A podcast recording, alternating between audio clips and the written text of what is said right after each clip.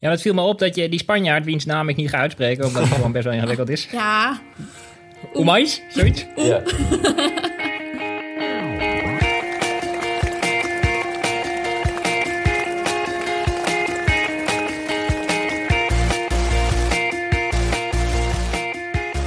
Welkom bij de 40ste, de 40ste aflevering van Suzy Q&A, de podcast over hardlopen, training en wedstrijden. Ik ben Oliver Heimel, hoofdredacteur van Runners World en aan de lijn heb ik twee wereldtoppers op de 5000 meter, Susan Crummins en Mike Foppen. Mike, we gaan zo naar jou en jouw eh, fantastische Nederlandse goal op de 5000 meter, maar eerst een vraag over een eigenschap die wij sinds een paar dagen delen. Wij lopen namelijk allebei met een zweetband, maar ik, ik heb dat dus nog nooit gedaan, maar die wordt echt drijfnat, valt me op. Hoe doe jij dat? Nou, bij mij is hij nog niet drijfnat geworden. Maar ik merkte trouwens gisteren wel... Ik merkte gisteren wel toevallig dat, dat ik hem een beetje aan het verstellen was. En toen werd hij opeens te groot voor mijn hoofd. Dus toen, toen werkte hij niet meer, zeg maar. Het effect van die haarband, of die, ja, die zweetband van mij is dat hij mijn haar een beetje omhoog had. Maar dat werkte dus gisteren niet meer. Ja. Maar ja, het is... eh, ja, hij kan wel heel erg, heel erg nat worden, inderdaad. Want je hebt er dan meerdere nodig, want ik merk dan de volgende dag is hij gewoon nog niet droog en dan moet je gewoon een natte zweetband weer om. Ja, ik heb, ik heb drie verschillende kleuren. Ik vind het vooral leuk dat je verschillende kleuren hebt. Want dan kun je een beetje matchen bij je outfit en zo. beetje accessorize. Ik snap het Ah. helemaal.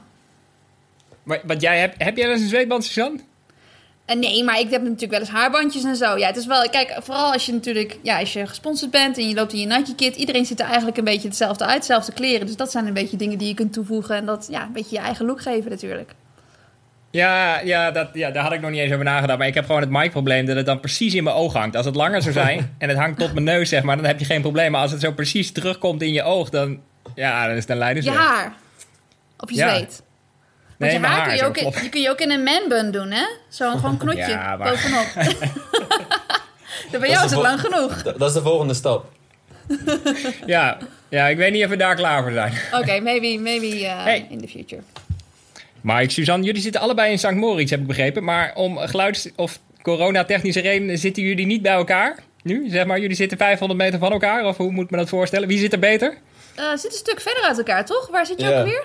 Ja, ik zit nu in Sales. Dat is eh 10, 10 minuten, een kwartiertje rijden buiten St. Moritz. Ik verblijf bij een, eh, bij een Zwitserse atleet hier. Eh, ja, was, eh, was gewoon... Ik had, ik had geen niemand meer om mee te verblijven, omdat de rest met wie ik eerst verbleef... zijn allemaal naar huis te gaan om een wedstrijd te lopen. En ik ben, ben dan naar Monaco gegaan, teruggekomen en ja, hier kon ik gewoon verblijven. Dus eh, ja. En eh, Suzanne, jij hebt een vaste plek inmiddels? Of eh, jij zit Ja. ergens in een budgethotelletje? Een soort, een soort van. Nee, het is, eh, dit is een appartement waar ik ook in 2015, 16 en 17 heb gezeten. Dus de mensen die wonen hiernaast gewoon, die zijn gewoon mijn buren. En die, eh, ja, die, die kennen me inderdaad wel. En ik moet zeggen, ook nadat ik terugkwam eh, in 2017 naar Rio. Toen eh, kwam ik hier terug en toen was ze helemaal enthousiast. En toen liet ze de telefoon meteen zien. En de Engels is niet zo heel goed. Maar toen liet ze meteen alle foto's zien die ze van de tv had gemaakt toen ik op tv was. Dus ze had allemaal van die beetje van die blurry foto's. En ze was zo trots dat ik hier was geweest en dat ik daarna op tv was. Dat was zo schattig. Anyway, dus eh, ja, het is toch een soort van tweede familie. Want ze zijn wel iets gewend qua atleten, neem ik aan, toch? Ik denk dat de gemiddelde snelheid van een, een inwoner nergens zo hoog ligt in de wereld als in St. Moritz. Nee, dat klopt wel. Maar er zijn natuurlijk wel ook heel veel appartementen en eh, ook hotels. Ze zitten wel overal verspreid. Dus ik denk dat zij hier op zich niet zoveel atleten op bezoek hebben gehad. Dus ik denk dat ze daar een fan zijn. Ah, eh, nog heel even naar jou, Suzanne. Want ik was eh, niet vermoedend de sportpagina's aan het lezen voor voetbal en zo. En toen las ik opeens dat jij ons land gaat vertegenwoordigen bij het WK halve marathon in, ik heb het opgezocht, Gdina. Ja, het is ongelooflijk, hè? Ja, ik, eh, ik dacht, eens gek. Laat, laat eens een keertje een halve marathon en dan gewoon meteen bij het WK.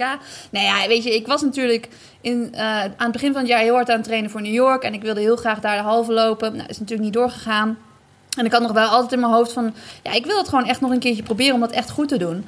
En nou ja, er zijn natuurlijk niet zoveel wedstrijden die, waarvan je zeker weet dat ze doorgaan. Omdat natuurlijk met een, ja, met een massastart met een groot veld is het gewoon moeilijk met, met alle coronamaatregelen. En toen dacht ik, ja, bij een WK, daar kan ik dan voor trainen, me echt goed voorbereiden. En dan, eh, nou ja, ik verwacht wel dat het doorgaat. En Sivan staat ook aan de start. Dus eh, nou, qua Nederland hebben we op zich wel eh, een sterk team. Een team van twee telt helaas niet, maar goed, voor de gedachte.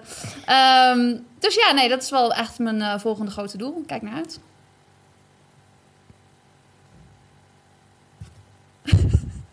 Oh, de, de verbinding was even verbroken, maar eh, ik ben er weer. Zag je mij wel of niet? Ja, ik hoorde, ja. Dus ik dacht, hij is niet blij met het antwoord. Maar dat is ook niet erg. Nee, ik heb het gehoord tot eh Sivan is er ook en eh en team, team is er niet. Maar eh, ik heb trouwens even voor je opgezocht. Want Ja? ik dacht, jij gaat naar Gardina en dan ben je natuurlijk geïnteresseerd wat je er allemaal kan doen. En eh, op Wikipedia staat onder het kopje bezienswaardigheden in Gardina. Oude monumenten zijn er in Gardina nauwelijks. Wat je wel kan doen is, er zijn twee marineschepen die je kan bezoeken. Dus dat is dan misschien nog wel leuk. Oh, oké. Ja, ik denk dat ik er vooral gewoon ga rennen. En dan eh, la- laat de rest Jongen, ik, ga- ik ga heel even mijn wifi veranderen. Dit is... ehm, we gaan naar 4G, denk ik. Ja, er zijn altijd technische problemen met die.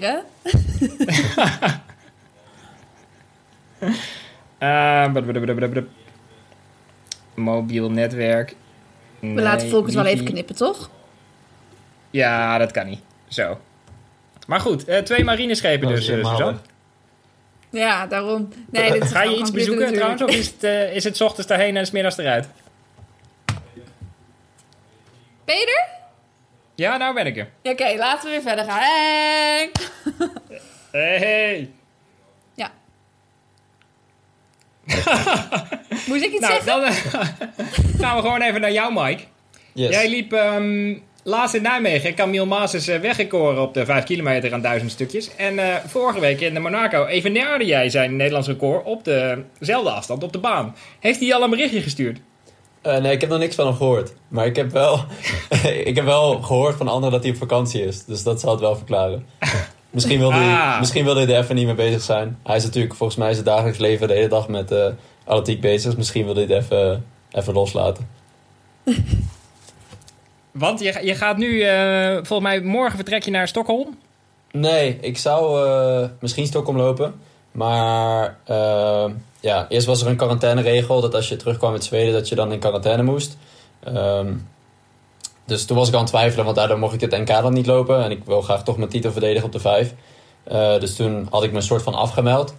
Ehm, en toen kwam een dag later, werd bekend dat die quarantaineregel werd eh, opgeheven.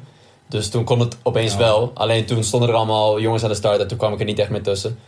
Ehm, maar ik vind het niet zo heel erg. Want ja, het plan met mijn coach, met Joshua, was ook wel eh, om hier nog tien dagen extra te zitten op hoogte. En nu zitten we ook echt tien dagen hier. En dan kom ik lekker voor het NK terug en dan loop ik daarna nog wel wat races. Want heb je nog, eh, heb je nog plannen om nog een record van Camille uit, af te pakken tijdens zijn vakantie? Of, eh? Ah, ik, weet, ik weet niet wat, die, wat, wat ik nog kan lopen. Ja, ik loop de, de 10.000 eh, bij de Gouden Spike eh, 19 september. Die is volgens Oh, waar mij, staat dat? Waar staat dat op? Ik weet dat niet eens. volgens mij is het 27, 26 of 27, 23. Dat is wel echt heel hard. Eh, ik denk eigenlijk dat ik daar nog niet bij in de buurt ga komen. Maar eh, ja, wie weet. Ja, want bij een Strava-segmentje krijg je gewoon zo'n lullig mailtje met oeh, oeh, iemand heeft je segment afgepakt. Maar Ja. bij een Nederlands record weet ik eigenlijk niet of er een soort automatische notificatie Ik, is. nee, ik weet niet hoe het werkt bij, eh, bij een Nederlands record. Maar ik denk dat hij wel... eh, ik heb, Bram Wassenaar was hier in, eh eh in St. Moritz en dat was natuurlijk zijn coach. Dus die zal ongetwijfeld contact met hem hebben gehad.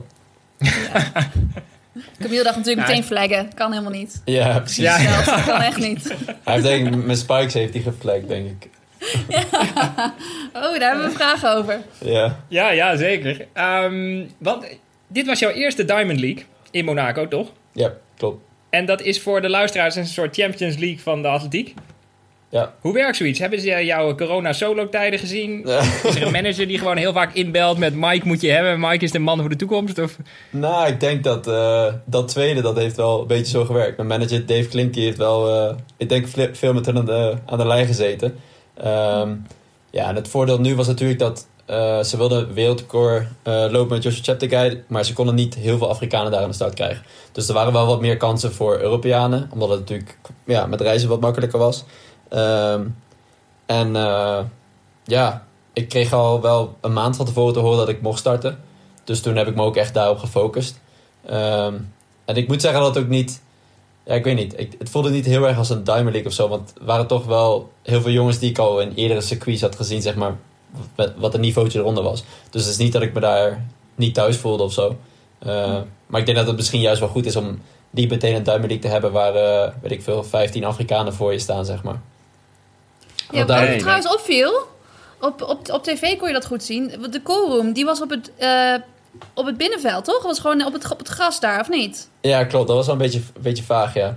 Je moest dus ook je versnelling... Je mocht niet echt met de baan op voor je race. Dus je moest een beetje je versnellingen daar op het gas op het middenveld doen. Eh, En daarvoor doe je dan je warming-up buiten op een soort kunstgrasveld. En dan, ik weet niet, volgens mij 20 minuten van tevoren ging je het stadion in. En dan zat je inderdaad met drie meter ertussen. Had iedereen zijn eigen hokje om zich om te kleden. Maar dat was ook een beetje raar. Want ik dacht, als ik, ik had mijn outfit al aan. Maar ik dacht, wat nou als ik nog mijn short moet wisselen of zo. Normaal doe je dat dan in Ja. de callroom. Maar de callroom was op het middenveld. Dus dan zit je daar met 5000 man die naar je zitten te kijken. En dan moet ik daar mijn mijn broekje gaan wisselen of zo. Leuke Maar- onderbroek, Mike. Ja, precies. Maar gelukkig had ik mijn kleding al aan. Maar ik zag wel naast iemand, die stond gewoon in zijn onderbroek en zijn en blote bas, stond hij gewoon om te kleden. Nice. Echt zo glamorous, de Diamond League. Ja, precies. Ja, want is er wel een hymne of zo? Zo'n zo'n muziekstuk dat je nooit eerder had gehoord, maar nu je met kippenvel de baan betreedt. en- Nee, dat viel wel mee eigenlijk. Maar het was natuurlijk... Er werd wel echt gelopen voor de, voor de snelle tijden en voor de prestaties. Er was niet super veel publiek. Het stadion zat zeker niet vol. Terwijl, ja, vorige edities bij Monaco zit het altijd eh, helemaal vol daar volgens mij. En nu, ik weet niet hoeveel er waren. Ik denk dat het 3000 man waren in het stadion. Dus dat is nog best wel veel voor deze tijden natuurlijk. En heel mooi dat dat überhaupt al kon. Eh, maar ja, dus... Ik weet niet, voor mij was meer de sfeer... Ja. eh, Om, na- om naast die grote naam op de startlijst te staan. En ja, daarna focuste ik lekker op mezelf. Was ik niet echt met het publiek bezig. Ik ook na de finish. Normaal zoek ik dan mijn ouders of zo. En dan probeer ik een beetje met hun te vieren. Maar ik keek naar dat bord en het was een beetje wazig. En ik zag 13 1306 En ik dacht, wacht, er staat is en er. Is dit nou het is een Nederlands record? Of is dit het Nederlands record? En toen eh, was ik daarna in het publiek iemand aan het zoeken om het mee te vieren. En ik kon niemand vinden. Uiteindelijk zag ik Bjorn Paré. En toen heb ik het met Bjorn Paré met z'n tweeën hebben het gevierd daar zo. Oh, dat is toch mooi. Ja, en ik was ook dan Dave aan het zoeken in het publiek, maar die zat helemaal aan de andere kant. Maar normaal zou ik dan naar mijn ouders of naar mijn vriendin toe lopen. Alleen er was Ja. gewoon niemand, dus ik stond dus een beetje verdwaald op de baan van met wie moet ik het vieren. Wat betekent dit nou? Ja. ja, ja, precies ja. Ja. Ik moet zeggen dat... ik, eh, eh, oh, sorry. Ja, over Nee, ja, Monaco. ga je zegt van iedereen komt daar om hard te lopen. Het Ja. is... ehm, nou ja, binnen de, binnen de atletiek is, wordt wel eens de grap gemaakt dat, dat eh, de baan in Monaco dat die maar 390 meter is. Dat die een beetje te kort is. En hetzelfde eigenlijk over Stanford. Er zijn eigenlijk twee, twee banen in de wereld waar je dat hebt. Waarvan ja, iedereen weet gewoon als je daarheen gaat, dan ga je gewoon hard lopen. Maar ik heb ook wel het idee dat omdat iedereen weet dat er hard gelopen wordt, dat iedereen ook gewoon doorloopt. Dus niemand Ja. is daarvoor een plaats tactisch aan het lopen, maar iedereen blijft ook pushen. En Ja, had je dat ook door, zeg maar, tijdens de wedstrijd, dat, dat iedereen gewoon hard wilde lopen? Nou het was natuurlijk een wereldrecordrace, dus er werd vooraan ook knijt uitgelopen. En het zou heel gek Ja. zijn als, als vooraan zo'n wereldrecordtempo weggaan en dan een tweede groep, Europea, groep Europeanen die gaat lopen boemelen daarachter. Dat was heel Ja. raar geworden. En, eh, Dat je hem vier keer langs krijgt tijdens de ja, ja, Oh, precies. nee. Ja. Komt hij weer? Dat, wij, dat wij met die hele groep zo naar buiten gaan om hem door te laten. En dan gaan wij weer lekker door met boemelen. nice. Nou, nee. eh, ja, de- iedereen die er aan de start op wilde volgens mij hardlopen. En ik moet zeggen dat Jimmy Cresce was een Fransman. Dus hij liep een soort thuiswedstrijd. Eh, die wilde gewoon een dik PR lopen. En die heeft er wel zeker de eerste rondes veel aan getrokken. En daarna begon je wel in die groep te merken van... Oké, we gaan een beetje, beetje samenwerken. En dat pakte wel goed uit. Heb jij ook veel gepusht dan, of niet? Eh, nou, ik had, in het begin had ik me natuurlijk... Ja, er stonden jongens aan de start met een PR, weet ik veel, 20 of 15 seconden sneller dan ik. Dus ik had me eerst voorgenomen om niet echt op kop te gaan lopen, maar gewoon te volgen. Maar op een gegeven moment viel het toch een beetje stil. En toen dacht ik, ja, ik voel me eigenlijk best wel goed. Dus toen heb ik ook een paar rondes op kop lopen trekken. Eh, en dat werd ook wel gewaardeerd, want toen ik op een gegeven moment overnam... eh, twee rondjes denk ik. Toen ging ik daarna naar baan 2. Toen was het duidelijk van oké, we gaan echt doorrammen nou. En toen kwam iedereen even één voor één op kop. En dat is natuurlijk wat je wil hebben in zo'n groep. Want op een gegeven moment liepen er ook twee atleten naast elkaar eh, een beetje tempo te drukken. En toen riep Jimmy, die Fransman, die riep ook keer van hey, move. En toen duwde hij zich zo doorheen en toen nam die kop over, zeg maar. Dus het was wel echt de bedoeling dat, eh, ja, dat het hard zou gaan. Ja, supermooi. Ja, je kunt dat niet, het was moeilijk te volgen. Ik probeerde steeds wel te kijken, maar ze, ze volgde natuurlijk vooral Joshua. En dan eh, Ja. steeds als we er maar iets lieten zien, dan zag je wel dat inderdaad dat er steeds iemand anders op kop liep. Dus daarom vroeg ik het me af. Ja, Ja. Joshua, die associeer ik heel erg met de Zeven Heuvelen. Ik bedoel, Mhm. jij bent de, de koning van de Zeven Heuvelen nacht en hij een beetje de koning van de Zeven Heuvelen dag. Maar kennen jullie elkaar ook? nee, ik heb hem nog nooit gesproken. Ik heb hem natuurlijk daar wel zien rondlopen. En ik had wel veel contact met Roy, Roy Hoornweg. Eh was volgens mij de, ja, een van de weinige Nederlanders daar. Eh, maar ik heb Joshua ook na Want de die haasde toch? De die eerste haasde, ja. kilometer. Ja, precies. Maar ja, ik heb niet echt, eh, niet met hem, echt met hem gesproken. Het was ook, ik weet niet, normaal gesproken als atletiek fan die ik ben, zou ik helemaal hyped zijn van het wereldrecord. Maar na de finish heb ik helemaal niet aan de wereldrecord gedacht, want ik was alleen maar met mezelf bezig van ja, mijn Nederlands record is veel belangrijker dan het wereldrecord. is ook. Maar ja, ik denk dat het alleen maar goed is. Het zou gek zijn als ik over de finish kom en naar hem toe loop en denk van oh, hij is echt, hij heeft het vandaag gedaan. Terwijl ja, dat mag je dan ook over jezelf voelen, denk ik. Ja, het is toch ook echt gewoon een doorbraak. Dus dat is mooi dat je daar gewoon van geniet. Dat, is, dat moet Ja. ook.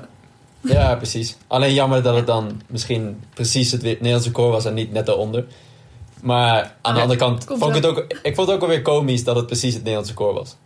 Nou, als je het geprobeerd had, was het lastig geweest, zeg maar. Als je er precies voor ging. Ja, precies, precies.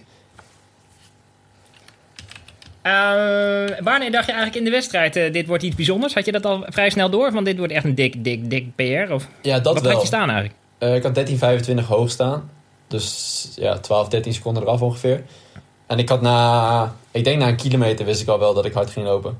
Want ja, ik weet niet, op een 5 voel je dat na een kilometer. Als het ritme gewoon lekker ligt, dan, dan weet je dat gewoon. En na drie Had je kilometer... toen al adem gehaald? Want had je toen het gevoel van, ik hoef eigenlijk helemaal geen adem te halen? Ja, of dacht precies. je pas na een kilometer, nu dat- ga ik een keer dat ademhalen? Dat gevoel dus. Alsof ik echt gewoon een lekker trainingstempootje aan het doen was, zeg maar.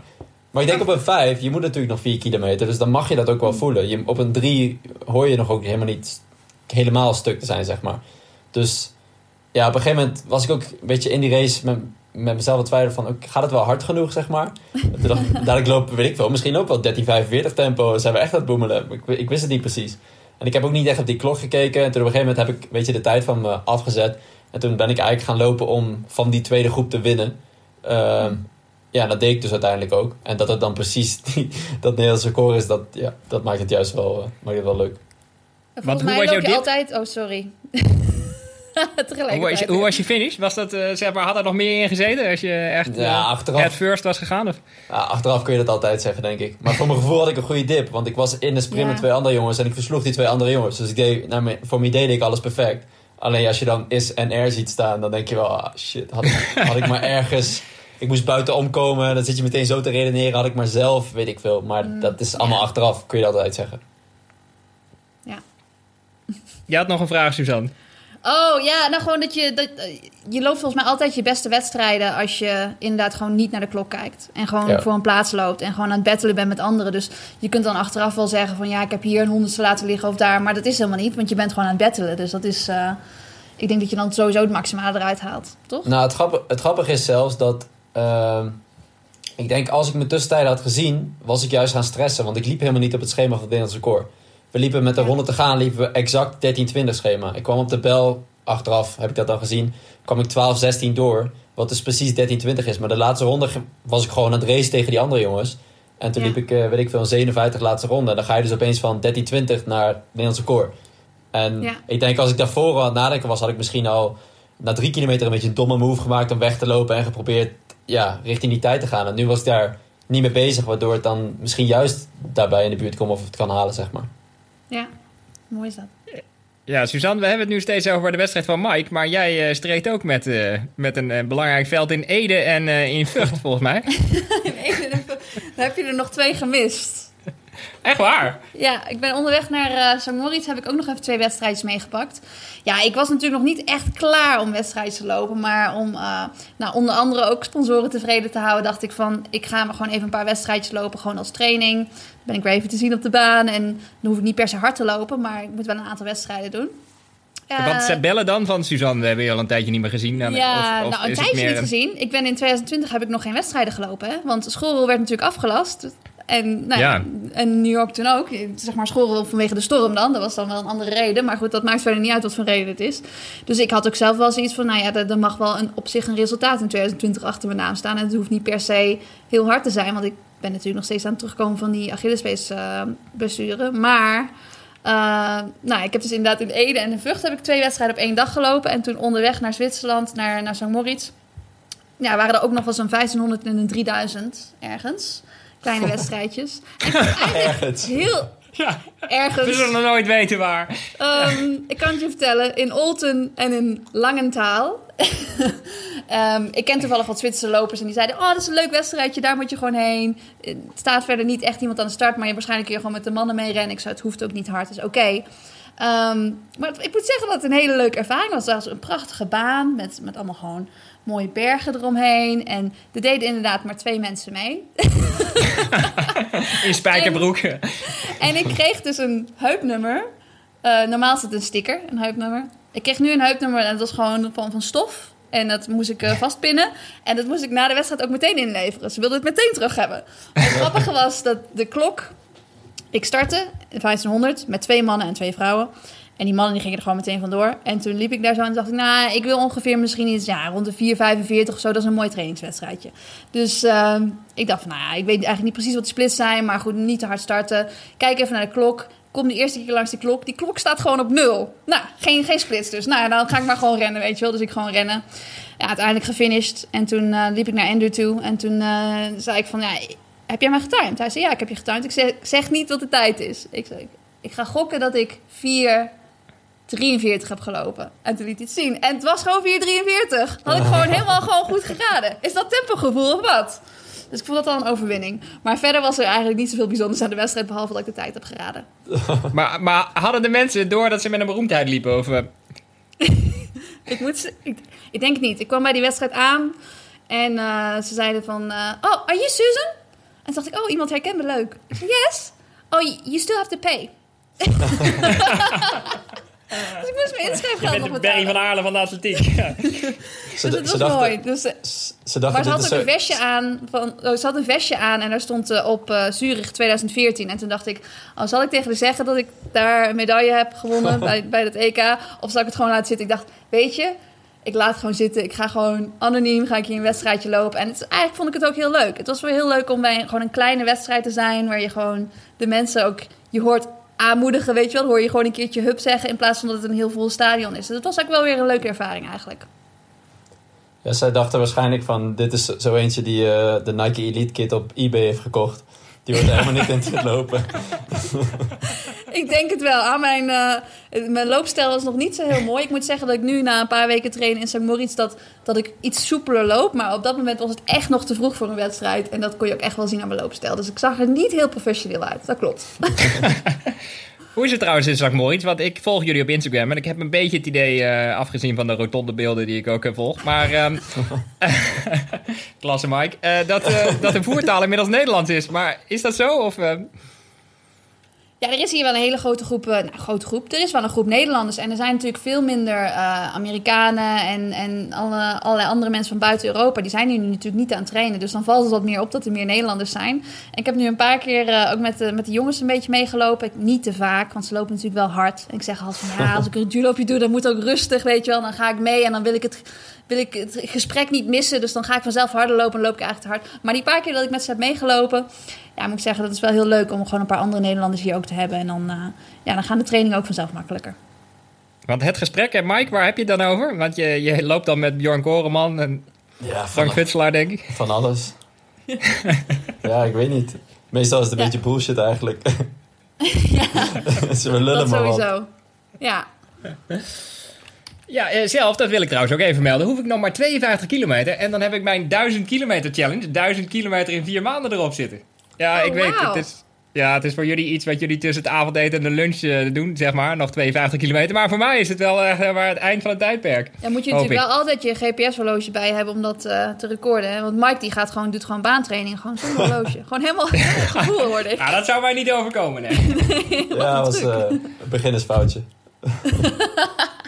Ja, het is ook echt heel irritant als je... Dan doe ik een duurloop en dan, dan word ik bijna omvergereden. En dan zet ik nog net op tijd mijn horloge uit. En dan ben ik helemaal opgelucht dat ik dat heb overleefd. En na twee minuten begint hij te piepen van je staat al twee minuten stil. Maar dan denk ik, nee, ik, ik ben niet twee minuten stil. Ik ben al twee minuten aan het lopen. Dat is Ja, gewoon een halve kilometer. Hè? En dan denk je, dit telt allemaal niet mee voor die duizend kilometer. Zonde, heel zonde.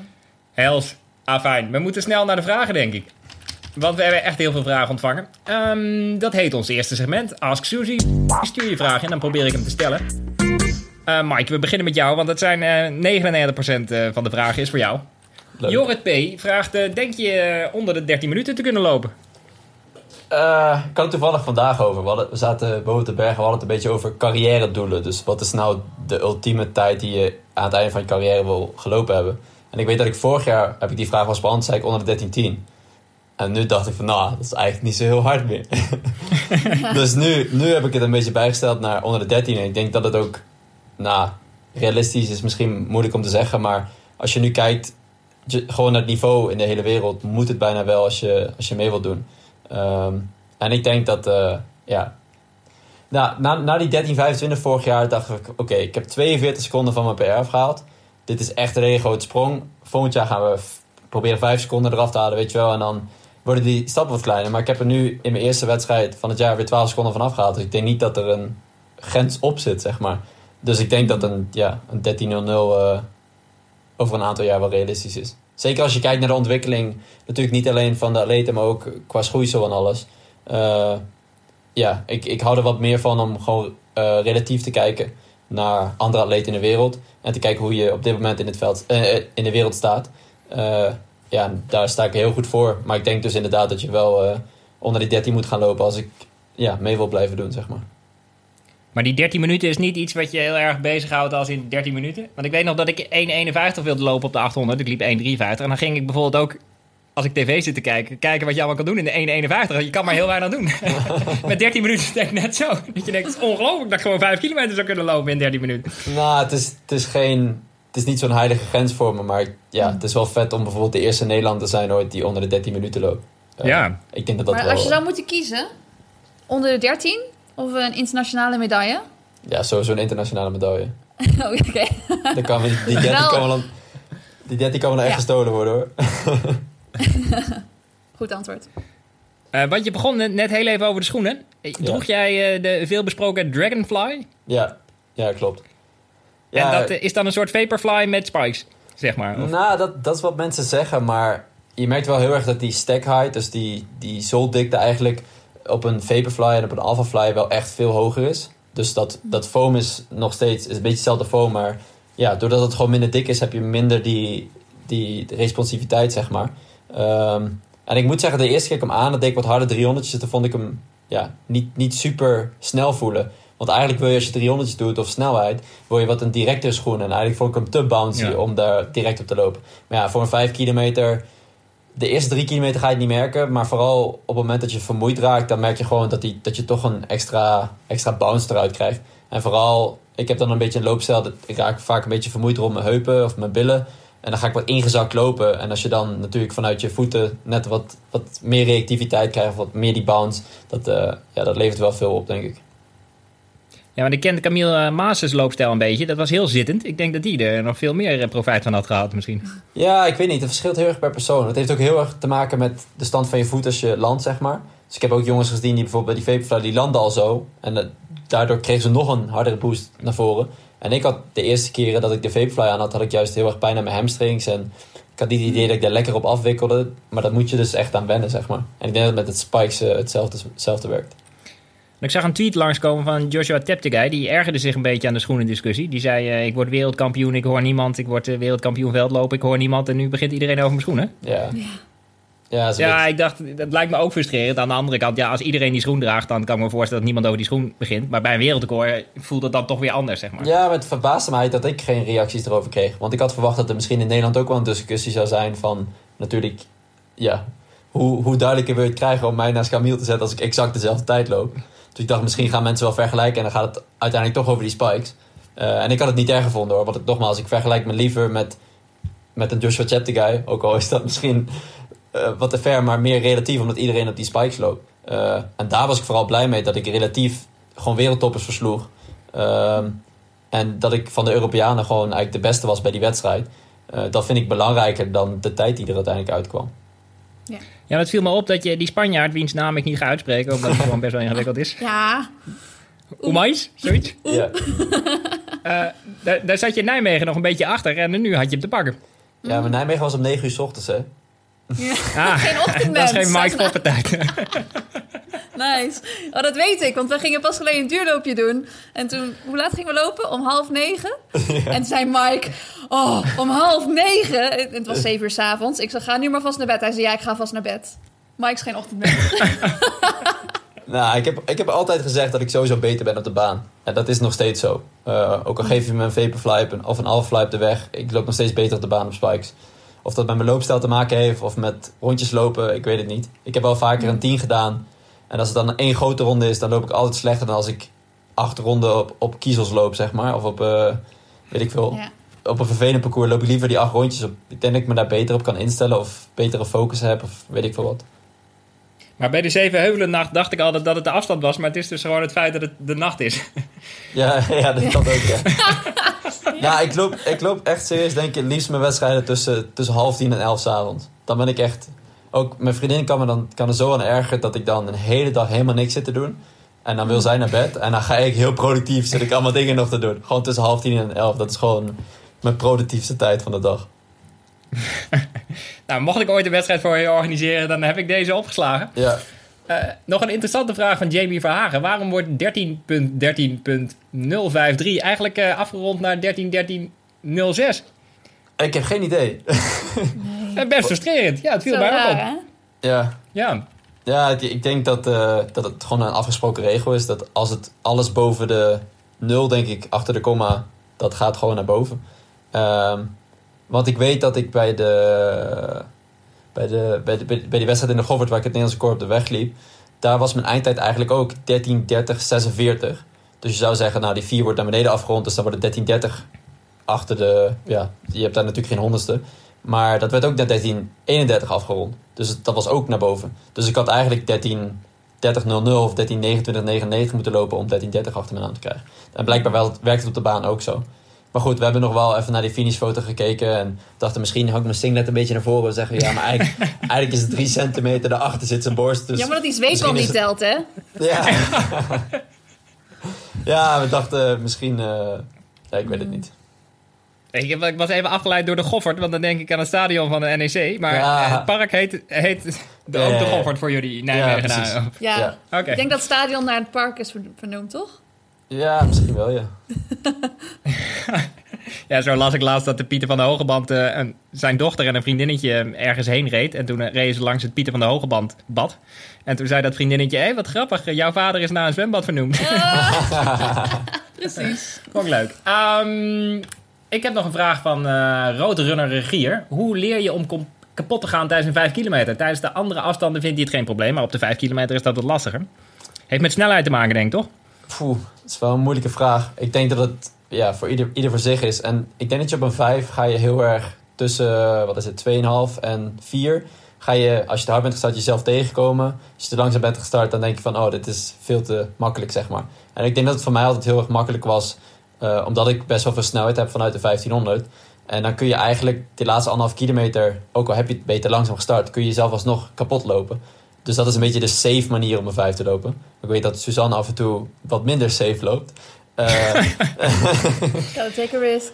maar dat, ja, elke, elke 5 geeft ook zo'n ander gevoel. Uh, ik heb vorig jaar een keer een 5 gelopen en toen was ik echt na twee kilometer helemaal stuk. Terwijl ik helemaal niet harder of langzamer ging dan andere wedstrijden. Maar dat is, verschilt erg, heel erg per dag. Maar ik denk ja, dat het ook wel een deel in training zit. Dus uh, harde, harde lange tempo blokken. Ik deed bijvoorbeeld tien dagen voordat ik in Monaco liep, ben ik naar Kiev gereden vanuit St. Moritz. Uh, deed ik mijn meest specifieke training toen 4 keer 1200. Dus totaal zit je dan rond je 5 kilometer aan totaal programma. En dat was allemaal bedoeling op 5 kilometer snelheid. En ja, 1200 is op 5 kilometer snelheid is best, is best doorlopen. Uh, dus op die manier leer je denk ik het lichaam ja, een beetje in die stand zetten, zeg maar. Ja, dat je het gevoel herkent in ieder geval. Dat je het in de training al een keertje zoiets hebt gevoeld... en dat je denkt van, nou, als ik blijf pushen... dan is het niet zo dat ik omval. Ik kan nog wel gewoon doorlopen. Maar als je dat in je hoofd... dan zit eigenlijk een soort van rem op. En die rem die moet je eraf kunnen halen. En als je dat in de training geoefend hebt... dan... Ja, als je in de training altijd comfortabel loopt... dan wordt het erg lastig om zeg maar, door die grens te pushen tijdens een wedstrijd. Dus ik denk dat dat ook mentaal super belangrijk is. Want ik kreeg nog, ja, ik zit ook even te kijken hoe ik het woord threshold nog in deze podcast verwerk. Oh, dat komt nog hoor. Kom nog. Oh, gelukkig. Phew. Nou, dan gaan we dat zo afwerken. Maar um, een vraag hoe je het opbouwt, maar dat hebben jullie eigenlijk al een beetje beantwoord, toch? Gewoon hard starten, hard middenstuk. Ja, vijf, vijf is hard, hard, hard. Dat klopt wel. Nou, ik, ik denk dat het bij de drie nog erger is. De drie is nog, ik vind de drie vind ik vanaf het begin af aan echt een sprint. En de vijf moet je nog wel een beetje doseren. Nou, ik denk dat het heel erg ligt aan het type loper die je bent. Want wat ik al zei, ik heb best wel veel snelheid. Dus ik, ik bouw hem liever op dat ik me eigenlijk best wel safe en best wel rustig voel tot drie kilometer. En daarna ga ik ja. rondes aftellen. En dan is het vijf rondjes, vier rondjes, drie rondjes. En dan gaat het gas erop. Ja. Maar zo loop ik hem ook het liefst hoor. Ja, ja. Het, is wel het liefst ga ik niet helemaal de eerste kilometer kapot. Ja. En uh, een vraag van Joris Knoben. Hebben jullie een uh, specifieke workout of trainingstip voor uh, 5 kilometer lopers? Jij eh, had het net over die 1200. Die leek Ja. me vrij pittig. Ja, dat zoiets inderdaad. Dus ja, wat, wat goed werkt is natuurlijk gewoon een race lopen, denk ik. Als je bijvoorbeeld een 3 kilometer of 1500 loopt. eh, Ik denk dat 3 misschien nog beter is een aantal weken voor je 5 kilometer op dat tempo of harder. Dan ja, zet je de lichaam, wat ik, je lichaam, wat ik net al zei, een beetje in die stand. En ja, ik hou heel erg van, eh, van die simulatietrainingen waarin je qua totaalafstand van je training, of van je kern, dat die ook de totaalafstand van je wedstrijd is. Dus dan is je lichaam heeft dan precies zo lang die afstand op, dat, op die snelheid gelopen. Maar goed, ik heb, ik, denk, dat- ik heb nog nooit 4 keer 1200 gedaan. Dus ik zeg dat nou wel, maar ja. Nee, maar jij komt natuurlijk ook van de 1500. En het is logisch als je vanaf de korte afstand komt... dat het dan goed is om 5 kilometer aan volume te trainen. Maar als je meer 5, 10 bent, zoals ik bijvoorbeeld... dan is het weer beter om gewoon over distance te trainen. Waarschijnlijk loop je dan niet zo hard. Dus misschien wel 10 keer 1000 met een best wel korte pauze... maar dan niet je 5 kilometer tempo, want dat gaat natuurlijk niet lukken. Dus Nee, precies. dat, dat zijn natuurlijk ook groei. Maar het ligt een beetje aan wat voor type loper je bent inderdaad. Ik heb eh, gek genoeg ook twee vragen gehad van Niels Laros en van Jasper Bloks naar je sponsorcontract met Nike. Hoe je dat zo voor elkaar gekregen hebt. Ja, dat, dat is een verdienste van Dave Klink, denk ik. Eh, Ik moet zeggen dat er wel... Ja, het zit altijd een beetje geluk bij natuurlijk. Ehm, ik weet dat er een, een nieuwe jongen in dienst is gekomen bij Nike. Ehm, en ik liep de veranderloop. Eh, en die won ik toen. En ik had natuurlijk geen merk op mijn sponsor. Ik liep in Team Zeeweulen kleding waar niet echt... Er staat geen New Balance logo op. Er staat Nee, geen ja, Nike logo op. Eigenlijk is hij een beetje... eh, ja, ik denk dat ze gewoon heel duidelijk konden zien van deze jongen loopt hard.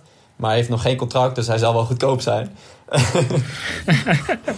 en toen, Stond gewoon eh, heel groot op je shirt. Hier had uw naam kunnen staan. nou, nee, dat niet. Maar ik denk dat ja, als je een wandelloop wint... En trouwens, die jongen was de, was de eerste wedstrijd in Nederland waar hij bij was. Dus alles viel gewoon op zijn plek op dat moment. Ja. ja. ja, daarna heeft denk ik Dave gewoon eh, heel veel goed contact gehouden met hun. En ja, misschien heeft het ook al meegeholpen dat ik eh, eigenlijk mijn hele carrière altijd op Nike heb gelopen. Dus het, ja, het is natuurlijk schoeisel is denk ik het belangrijkste. Kleding heeft elk merk wel goed, maar schoeisel is natuurlijk wel heel erg, heel erg persoonlijk. Maar ik loop eigenlijk altijd al op de Nike Pegasus. Ik heb altijd op Nike Spikes gelopen. Ik liep die cross ook op Nike Spikes. Weet je wel, dat, dat soort kleine dingen. Denk dat, ik weet niet of ze naar mijn social media hebben gekeken of weet ik veel. Dat ze hebben gezien van, hij doet al zijn trainingen erop. Ik weet niet of Ja, het zo maar je loopt gewoon hard. En als je hard loopt, ik denk dat dat, dat valt uiteindelijk het meest op. Ja, uit, uiteraard, ja. Ja, dat is wel grappig, want eh, na de veranderloop, toen was je bij ons eh, het gast voor het eerst, zeg maar. En toen hadden jullie het er nog over, over hoe je dat dan voor elkaar krijgt. Dus eh Ja. is je snel daarna gelukt, ja. Ja, dat is heel veel eh, veranderd, hè? Sinds Het is ook die wel... Ik ben, ik ben vorig jaar dus... Heb ik de keuze gemaakt om in ieder geval een jaar pro te gaan, zullen we maar zeggen. Dus echt om het loop, op het lopen te focussen. En die eerste maanden was ik heel erg aan het strijden om, ja, om het ook financieel rond te krijgen. Uh, En toen natuurlijk kwam al snel... uh, ja, eigenlijk bij de veranderloop had ik een beetje mijn eerste doorbraak. Uh, en toen kwam de Zevenheuvel natuurlijk. Als Nijmegenaar, ja, wat, wat wil je liever dan ambassadeur worden van de Zevenheuvelloop? Uh, en dat alles, alles voelde gewoon alsof het klopte. Ik denk dat Suzanne hetzelfde gevoel heeft gehad toen. En ja, dat daarna Nike komt, die in mijn ogen nu in de schoenenwereld het beste ervoor heeft. En, en het merk waar ik het liefst op trainde en het liefst in liep, dat die dan ook nog komt. Dat alles viel gewoon even op zijn plek. Uh, hmm. Dus daar heb ik denk ik geluk mee gehad, maar misschien ook wel zelf afgedwongen. Ja, want je bent natuurlijk wel veel harder gaan lopen ook. Maar denk je dat uh, de grootste verandering die je gemaakt hebt, dat je meer op hoogte bent gaan trainen? Of ben je ook echt anders gaan trainen? Nou, niet zozeer anders. Ik, ja, ik train nog steeds bij dezelfde coach. Eigenlijk vanaf het begin al bij Joshua Mols getraind. Uh, maar wel, we zijn wel langzaam... Natuurlijk, als je wat meer op hoogte gaat...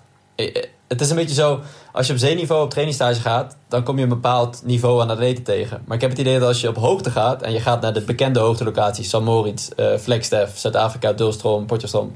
Uh, dan kom je de, het niveautje daarboven tegen, zeg maar. En daar kun je natuurlijk wel heel veel van leren. Uh, en omdat ik vanuit onze groep, vanuit Team Zeeweuvelen, was ik vaak de enige die ging. Of misschien met één iemand anders. Dan ga je toch wat andere mensen opzoeken om wat training mee te combineren. En dan zie je wat andere dingen. En dan, ja, Joshua is dan de perfecte coach om dat mee te overleggen. En samen tot iets moois te komen. Uh, dus ik denk die combinatie tussen een aantal nieuwe dingen in training proberen. Mijn kilometers iets opvoeren. Uh, en natuurlijk op hoogte gaan. En daar, ja, ik reageer gewoon al. Ik voel me echt een slak op hoogte. En ik kom terug en... Ja. ja. Dat, dat vind ik wel een interessante theorie. Ja, dus dat... op zeeniveau blijf je als het ware op zeeniveau. Nou, ik, ik weet niet of het echt zo werkt. Maar ik merk wel dat wij gingen vroeger met de groep naar Monte Gordo. En daar, ja, daar liep geen Mo Farah rond. Of uh, weet ik veel. Of Susan Crummins liep daar ook niet rond. maar als je, als je op hoogte komt, dan kom je... Ja, ik weet niet. Ik denk dat je dan toch eh, een aantal Ja. andere atleten tegenkomt. Ja, omringd worden door, door, door hele goede atleten. Dat, dat werkt voor sommigen motiverend. Anderen die, die, die worden daar juist een beetje bang van. En die hebben zoiets van, ik moet ergens trainen waar niemand traint. Maar ik heb Ja. dat zelf inderdaad ook. Dat is altijd, als je hier in St. Moritz bent, dan, dan voel je gewoon, dit is, eh, dit is elite, weet je wel. Dus dan, dan wil je zelf ook hard werken. En ook op een dag dat je moe bent, dat je denkt van, oh, ik weet eigenlijk niet zeker of ik dat duurloopje nog wel wil doen. Zo van, oh, maar iedereen loopt hier buiten. Wel, Hoezo ga ik nu niet trainen, weet je wel. Dus dat is, ik denk dat Ja, het het vanzelf ook wel heel motiverend werkt. Het grappige is wel dat iedereen draait toch zijn eigen programma. Maar ik had bijvoorbeeld Mhm. vorig jaar heb ik een aantal keer een duurloop met de Inge- Ingebrigtsens gedaan hier in St. Moritz. En alleen al dat ik veer- 10 kilometer met hun meeliep, dat was voor mij al zo'n motivatieboost, zeg maar. Eh, en de volgende dag deden zij, weet ik veel wat, dubbel threshold ergens. eh, dus dan zag ik ze niet dan deed ik mijn eigen baantraining. Maar dat is helemaal prima als je, als je Ja. ja. wat je al zegt, als je omringd wordt door dat soort atleten en je ziet dat zij het werk erin stoppen, dan is het, is het voor jezelf niet zo moeilijk meer. Hebben ze onderweg Eh, ja. nog eh, lactaat gemeten tijdens die duurloop? Of ging dat zonder lactaatmeting? De duurloop was zonde, ja. Maar ik ben wel, eh, ja, wat ik al zei, wat, wat nieuwe dingen aan het uitproberen, waaronder lactaat. Dus eh, ja, dus wat meer aan het meten Eh. tijdens de training ook. ja, Ah ja.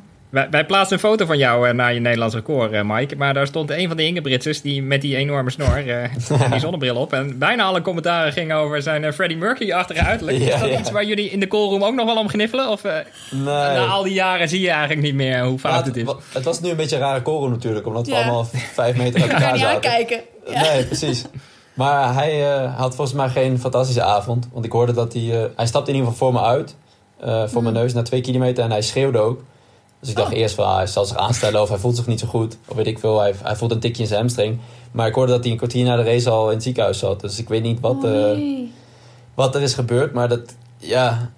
De Hij heeft meeste in het verleden hamstringproblemen gehad, hè? Dus dat is wel... Dat Ja. is niet, eh, is niet Maar ik hoorde dat iets met, iets met zijn met zijn voet was. En als je aan voet denkt en je moet uitstappen en je hebt echt pijn tijdens een race, als je adrenaline hebt, dan uh, weet ik niet wat, je, ja, wat er aan over blijft. Ja. Is het een leuke jongen eigenlijk? Hij Ja. ziet er inderdaad best wel een beetje grimmig uit. eh. nou, dit valt wel mee. Hij is denk ik van de drie het, eh, het meest open, zeg maar. Dus het meest, eh, hoe zeg je dat, excentriek. En die Ja. anderen zijn wat, wat, wat intensieke, maar ook Philip heb ik best wel vaak meegepraat. En dat is wel, ja, het zijn allemaal leuke kerels, alleen moeilijk om bij binnen te komen. En in het begin vond ik dat heel erg arrogant overkomen, een beetje. Maar toen ben ik me na een tijdje ook gaan realiseren van, ja, zij kunnen ook niet met iedereen praten en iedereen sociaal zijn, want dan zijn ze de hele dag bezig. En dat merk je denk ik bij Jacob het meeste, want die is het populairste eigenlijk. Of daar willen mensen het meeste contact mee hebben. Ik denk als hij open en sociaal was en met iedereen zou praten, dan zou hij ja, zou die geen rust krijgen, joh. Dan zou hij de hele dag maar Nee. hetzelfde verhaal aan mensen moeten, moeten op, eh, ophalen. En ik merk dat ze Maar na de Gertie race... beschermt dat toch? Ja, Gert ook, is de, de- ook. dat is de vader, zeg maar. Die Die, komt het. een praatje met je maken als je te lang met de zoons praat, denk ik. Ja, maar het was wel grappig. Want we hadden coronatest hier in. Moritz. En dat was dan vanuit de organisatie eh, geregeld. En op een gegeven moment zaten we met z'n allen in de kamer. En dan is het heel, zijn ze heel anders. Dus als je bij een wedstrijd tegenkomt voor een wedstrijd... zullen ze niet vaak hoi zeggen of, of een heel gesprek met je aangaan. Maar als je bij een random coronatest in. Moritz zit... eh, twee dagen voor de wedstrijd... dan is het allemaal wel eh ontspannen sfeertje. Ja, voor de luisteraars, dit zijn dus de Von Trapjes van de, van de atletiekwereld. Ehm, ja, nog een vraag van ehm Chong Wacho. Nog tips voor iemand die van weghardloopschoenen voor het eerst op spike gaat trainen? Nou, Suzanne, jij, jij, eh, jij trekt daar normaal een half jaar voor uit, toch? Met allemaal... eh, Daarom. not- Ik wil zeggen, als je, als je Mike bent, dan, dan bestel je bij Nike bestel je de nieuwe Dragonflies en die komen binnen en die trek je aan en dan loop je gewoon even een Nederlands record. En als je mij bent, dan moet je er eerst eventjes aan wennen. Dus dat klopt inderdaad wel, dat ik daar meestal wel een heel, eh, heel plan voor, eh, voor maak. Eh, ik denk wel dat het wel belangrijk is, want hij zegt dat hij op spikes gaat lopen. Ligt er wel een beetje aan welke afstand je gaat lopen, denk ik. Want je hebt natuurlijk spikes die heel ja, snelle spikes, 800, 1500 spikes. Die zijn anders dan 5 of 10 kilometer spikes. En ik loop zelf ook veel op splats. Dat zijn eigenlijk tussen spikes en flats. Die maakt Nike ook. Dat is gewoon eigenlijk een schoen met een spikeplaat eronder. Heet dat een Ah. Ja, heet de splat. Dus gewoon, ja, spikes en flats. En dan samen, dat is dan splat. Ja, ja ik, ik begrijp het. Ik heb het gewoon al nooit gehoord. Eh, e- eerst liet ik die altijd maken, want eerst waren die niet- niet zoveel op de markt. En dan, dan stuurde ik gewoon een paar schoenen op naar, eh, naar Food Connection in Culemborg. Doen dat heel erg goed. Als je dat zou willen laten maken, dan kun je een paar spikes opsturen en een paar schoenen. En dan maken ze samen tot één geheel. Dus dat is wel mooi. En zij kennen het woord split ook, als ik gewoon zeg... Zij kennen, het, ik- zij kennen, ja, ja. zij kennen het woord splat. En ze doen dat, zijn ook echt liefhebbers en ze doen het erg goed. Uh, alleen is het natuurlijk natuurlijk nu met de nieuwe regels dat die, dat die zon niet meer zo dik mag zijn, is het voor wedstrijden niet meer zo handig. Maar om erop te trainen is het wel altijd heel handig natuurlijk om ja, dat wat minder aan je Achillespees trekt. Anyway, als je ervoor kiest om op een spike te lopen, dan ja, ik doe zelf altijd wel dat ik dan een beetje stap voor stap ernaartoe werk. Als in niet in één keer gewoon een training op spike gaan rammen, maar misschien eerst ehm, in mijn warming-up wat meer oefeningen met, met springen. En misschien buiten de training om een keertje een paar keer gewoon touwtjes springen. Weet je wel, twee keer 30 seconden en dat dan opbouwen en uitbouwen tot iets langer. En dan pas voor de eerste keer een paar versnellingen in spikes. Zonder bochten. Dus gewoon alleen drie keer 100 meter rechtdoor een versnelling.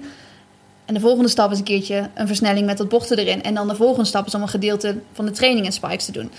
En dan pas een wedstrijd. Dan is het Maar- seizoen eigenlijk alweer afgelopen. Nou, je kunt dat wel goed plannen. Maar weet je wat is? Iedere keer als je dus weer een nieuwe prikkel hebt voor die Achillespees. Ik weet inmiddels hoe dat werkt. Die Achillespees die heeft wel minstens 48 uur nodig om daar eigenlijk van te herstellen. Dus als je dus op een dinsdag een baantraining doet zonder spikes, dan heb je wel bochten gelopen. En als je dan op woensdag eh, een krachttraining doet en een beetje gaat touwtjes springen. En op donderdag een, een threshold.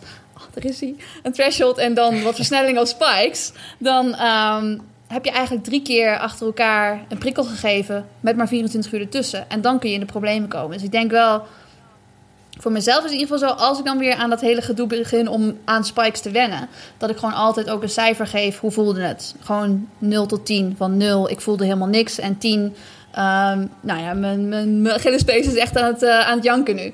Dus dat is belangrijk om dan bij te houden hoe je ergens op reageert. En vooral de volgende ochtend. Want nou ja, mensen met Achillesproblemen zullen dat weten. Dat, dat je dan soms de volgende ochtend wakker wordt en dat die Achillespees heel erg stijf is.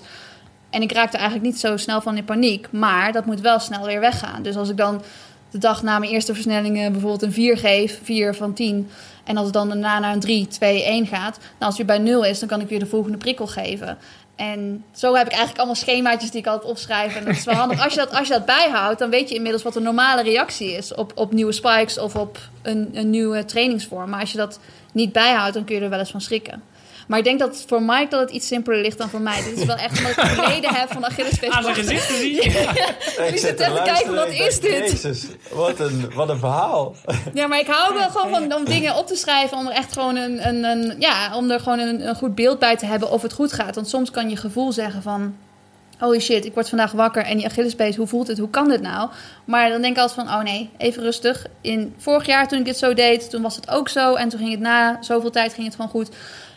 Heel vaak is het gewoon, ik kan binnen drie weken van een gewone schoen, kan ik op spikes lopen. Dus drie weken is denk ik dat het ongeveer kost. Maar als je je korter wil voorbereiden, als je slecht voorbereidt, dan eh, moet je waarschijnlijk gewoon wat meer herstellen van je wedstrijd die je loopt. En als je je helemaal niet voorbereidt, dan kun je je net zoals eh, Hendrik Ingebrigtsen gewoon placeren in de wedstrijd. Dus ik zou wel Ja. iets van een plan hebben, maar je hoeft het ook weer niet zo overdreven uitgebreid doen als ik. Ik, ik overdrijf het natuurlijk ook. Ja, Su- Suzanne, ik, ik, ik las laatst over, over stelletjes met een gemeenschappelijke rekening. Die niet alleen noteerde zeg maar, dat- dat je dan een pak melk had gekocht. Maar ook dat de ene gemiddeld zeg maar, drie keer zoveel melk dronk dan de ander. Dus dan een derde van de kosten van de melk. en op een of andere manier moest ik aan jou denken. Ik weet niet waarom. Maar... Ik eh, drink eigenlijk nauwelijks melk, alleen maar mijn flat white. Oké, ja, helemaal verkeerde associatie dan. Eh, dit waren de vragen. Eh, heeft u ook een vraag voor eh, mij of voor Suzanne of wat nog voor Mike? Dan bellen we hem gewoon even na. Mail hem dan naar mijn adres olivier.heimel.heurs.nl En wie weet komt jouw vraag in de volgende podcast. Ehm, Mike, jouw Olivier, plannen. Je oh, zijn... Nee, wacht even. Dat wil ik nog even vragen. Sorry, ja, ik ben een beetje een late reactie. Maar eh, doe je wel eens een touwtje springen? Vroeg me af. Ik. Doe ik wel eens een touwtje springen? Olivier, ja. Oh. Ik, ik, ik, ik kan niet touwtjes springen. Nee, ik zat net al toen jij, eh, toen jij vertelde over... eh, Ging je nou touwtjes springen met spikes of zonder spikes? Je gaat eerst touwtjes springen om op spikes te kunnen, toch? Ja, nee, dat doe ik meestal zonder spikes. Maar ik ken inderdaad atleten die dat met spikes doen. Maar als ik kan Nee, touwtjes vind- springen met spikes, dan ga ik gewoon versnellingen doen. Dus dat is zeg maar, die, die stap sla ik dan wel over. Ik vind het sowieso best magisch dat mensen dat kunnen, ja. Ik, eh, maar nee, het is... Ja, het gaat heel Oh. snel, hè? Nou, dat hoeft niet. Maar ik dacht gewoon, lijkt me, lijkt me gewoon, ja, lijkt me een leuke, leuke oefening voor jou om te doen. Touwtjes springen. Het is goed voor je Ja, ik reactiviteit. ga oefenen. Ik, eh, ik, zo gauw ik het kan, ga ik op TikTok. Dan eh, word ik een hit. Mike, ben jij een touwtjespringer? Eh, niet, ja, wij deden vroeger wel... eh, vanuit team hadden we dan van die circuitoefeningen in de zaal. En daar zat hij wel altijd in. Ja. Ik moet zeggen dat ik me dan wel altijd een bokser voelde. Want ik dacht dat ik heel snel ging. Maar ja, maar ik, denk- ik denk als je wil het zou maken dat je... je hebt die reactiviteit al. Dat, is, dat kun je zien. Ja. Ja. Ja, ik eh, kan wel jong leren trouwens. Oh, wauw.